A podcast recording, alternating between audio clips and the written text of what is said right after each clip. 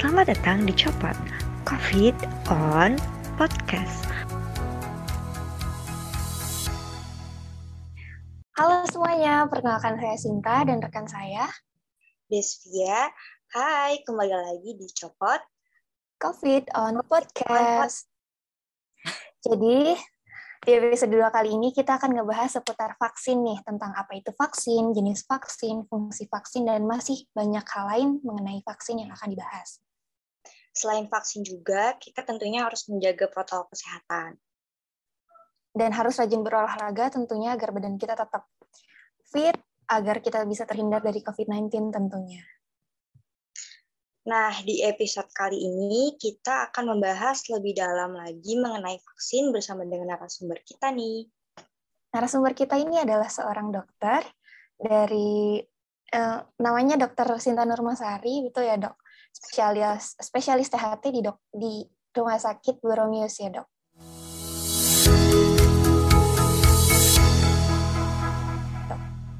Oke, okay, iya betul. Saya sudah um, ya hampir 12 tahun bekerja di Rumah Sakit Santo Boromius. Lama juga. iya, lama juga, Dok. Nah, halo semuanya, di episode kali ini kita sudah bersama dengan narasumber kita, yaitu Dokter Sinta. Halo dokter, bagaimana kabarnya? Hai, halo semua. Baik, sehat. Puji Tuhan masih dikasih uh, kesehatan ya sampai saat oke oke ada nih lagi agak deg-degan nih omikron mulai merebak nih jadi kayaknya sekarang-sekarang mulai lebih ekstra diperketat untuk pertahanan supaya kita tidak terkena virus ya secara HT itu kan kita uh, pasien-pasiennya banyak yang berhubungan dengan infeksi di hmm. saluran hmm. kan ya hidung tenggorokan nah itu uh, rentan sekali kita untuk terpapar dari pasien kalau memang ada keluhan-keluhan seperti batu pilek, sakit menelan. Sekarang oke okay sih. Alhamdulillah kalau kayak gitu dok, tetap dijaga kesehatannya dok ya. Ya, itu. Nah, kami di sini mungkin mau menanyakan beberapa hal nih dok ke dokter ya lebih ke ngobrol aja. Yang pertama itu mengenai vaksin dan vaksinasi. Sebenarnya vaksin dan vaksinasi itu apa sih dok? Oke, okay, kalau vaksin sendiri itu dia kata benda ya, dia untuk uh, menunjukkan bahwa ini suatu zat kimia yang dipakai untuk uh, berfungsi untuk menaikkan sistem kekebalan tubuh kita. Sedangkan vaksinasi itu dia kata kerja proses bagaimana si vaksin itu uh, terdeliver disampaikan uh, ke orang-orang yang memang uh, sudah dipersiapkan kondisi badannya supaya dia siap untuk menerima vaksin ini. Jadi vaksinnya itu sendiri adalah bendanya, sedangkan vaksinasi sendiri adalah uh, proses. prosesnya. Ya, betul. Nah dok, vaksin COVID-19 ini kan jenisnya banyak ya dok. Ada Moderna, Betul. ada Sinovac, ada AstraZeneca, dan lain sebagainya macamnya di Indonesia. Nah sebenarnya yang membedakan antara jenis-jenis vaksin itu apa aja sih dok? Oke, jadi yang kita tahu yang ada di dunia ini ada Pfizer, ada Moderna, ada AstraZeneca, ada Johnson Johnson, Novavax sama Sinovac atau Sinopharm uh, biasanya juga ada yang dari Cina ya. Uh, nah, yang masuk ke Indonesia itu ada Pfizer, uh, Moderna, AstraZeneca, Sinovac sama Sinopharm. Ya, tapi kebanyakan awal-awal yang kita pakai kebanyakan Sinovac. Ya, Sinovac itu dari Cina. Tapi mulai ke sini sini sudah mulai banyak nih jenisnya dari Moderna, Pfizer, ya AstraZeneca. Nah, fungsi, uh, bedanya itu dari uh, apa ya uh, bahan bentukannya. Uh, jadi kalau misalnya Sinovac itu dibuat dari virus yang mati. Jadi uh, virus yang mati ini diproses sehingga dia tidak berbahaya sehingga dia bisa menjadi vaksin dimasukin ke dalam tubuh tanpa menimbulkan infeksi COVID. Sedangkan kalau untuk Pfizer dan Moderna itu dia um, uh, vaksinnya dibuat dari protein yang mirip seperti protein yang ada di coronavirus, tapi dia tidak mengandung uh, elemen dari uh, virusnya itu sendiri. Jadi hanya menyerupai proteinnya. Jadi um, uh, jangan khawatir gitu ya, karena itu uh, menyerupai, tapi dia akan menimbulkan efek yang sama untuk antibodi untuk melawan uh, virus COVID ini. Terus ada juga yang AstraZeneca, ada Johnson Johnson. Nah itu uh, ada yang proteinnya dari uh, virus yang mati, ada yang diambil dari karier virus. Jadi banyak sekali macamnya. Mungkin bisa di, untuk lebih detailnya bisa di browsing di internet. Itu macam-macam banget jenisnya. Tapi sih sebenarnya apa pun uh, sumbernya mereka mempunyai fungsi yang sama adalah untuk mencoba uh, membangun sistem kekebalan tubuh kita untuk kuat melawan infeksi dari virus COVID. Itu yang paling penting. Nah, yang membedakannya juga ada namanya efikasi. Efikasi itu seberapa kuat sih nih vaksin ini bisa melawan infeksi virus corona. Nah, itu yang penting. Nah, tiap vaksin itu beda-beda. Untuk Pfizer dan Moderna itu di atas 90 persen ada penelitian yang bilang sampai 96% untuk bisa melawan dari infeksi virus corona. Sedangkan untuk Sinovac dari penelitiannya sekitar 60%.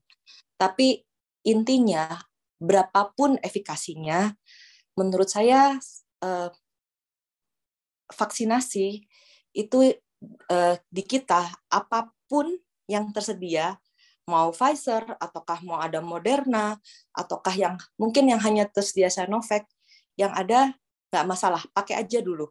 Karena yang penting adalah tubuh kita dipersiapkan untuk kuat menahan infeksi dari virus corona ini. Jadi jangan pilih-pilih, asal mau nunggu Pfizer aja, katanya efikasinya lebih tinggi. Sedangkan ini virusnya kan cepat sekali ya menular, apalagi sekarang Omikron nih, dia uh, menurut uh, laporan itu lebih mudah menular daripada varian Delta yang sudah ada. Nah ini saya sih uh, jangan pilih-pilih deh untuk uh, apa uh, jenis vaksinnya yang ada pakai aja dulu. Nanti suatu saat kan ada booster ya. Nah, mungkin booster ini kita bisa pilih yang mana yang ada ya. Itu harus dipikirkan ke depannya. Nah, Dok, kan vaksin tuh ada ada tahapannya ya, ada maksudnya ada vaksin pertama dan ada vaksin kedua. Kenapa sih ya. vaksin itu perlu dua kali dan sebenarnya jarak idealnya nih antara vaksin pertama dan vaksin kedua tuh berapa lama sih dok? Oke, okay. uh, eh, gini ya. Ini memang kalau misalnya saya jelasin secara bahasa medis mungkin akan bingung ya. Sedangkan uh, kita butuh uh, sesuatu yang lebih mudah untuk dipahami ya. Jadi ya, kalau menangkapnya supaya lebih mudah, jadi gini. Kenapa perlu dua dosis? Karena dosis yang pertama adalah sistem kekebalan tubuh kita butuh uh, pengenalan dulu gitu. Ya jadi pertama kali tubuh kita sadar wah ada benda asing nih masuk. Kayak orang mau pacaran kenalan dulu dong gitu kan. Nah jadi sama jadi kenal. Oke kenal memang pada pertama kaget gitu ya badan kita makanya suka ada demam ada sakit-sakit badan mungkin juga bisa ada batuk pilek sedikit.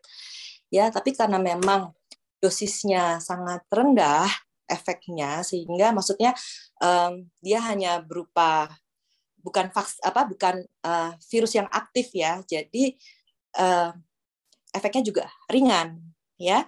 Nah, sama kayak orang pacaran juga kita harus kenalan dulu gitu sampai nanti ada banyak drama-drama dan sebagainya gitu ya. Nah, jadi uh, setelah itu karena kita udah kenal, nah tubuh itu kan dia akan uh, membuat sistem memori ya untuk um, melihat uh, untuk mengetahui oh ini ada uh, penyakit baru nih yang uh, masuk nih, tapi dosisnya uh, uh, kemampuan untuk menginfeksinya tidak separah virus yang ada. Jadi uh, tubuh akan uh, bisa uh, menahan supaya ini tidak jadi infeksi yang berat. Tapi karena proses pengenalan ini dia pasti ada reaksi. Nah, Biasanya itu dari dosis yang pertama ke dosis yang kedua itu butuh waktu sekitar 28 hari atau 4 minggu. Ya. Hmm. Setelah proses pengenalan sudah dirasakan cukup dari penelitian baru dimasukin dimasukkan dosis kedua. Dosis kedua ini setelah dia mengenal, memahami uh, informasi yang ada, ini akan nyerang. Wah, ini ada yang masuk lagi nih sama nih proteinnya. Nah, tubuh biasanya dia mulai melakukan penyerangan terhadap uh, zat asing yang ada seperti itu. Jadi uh, di situ antibodinya mulai terbentuk. Makanya kenapa harus ada minimal dua kali. Yang pertama proses pengenalan memori, yang kedua baru terbentuk antibodi. Biasanya yang pertama dia belum terbentuk antibodi, baru proses pengenalan. Jadi makanya kenapa harus dua uh, dosis kedua. Nah, terus mungkin saya sedikit agak mendahului ya. Terus kemudian sekarang digambarkan booster, ya kan? Booster ya, setelah enam Kenapa? Kan tubuh kan dia membentuk antibodi ya. Nah, antibodi itu ada titernya, ada kadarnya.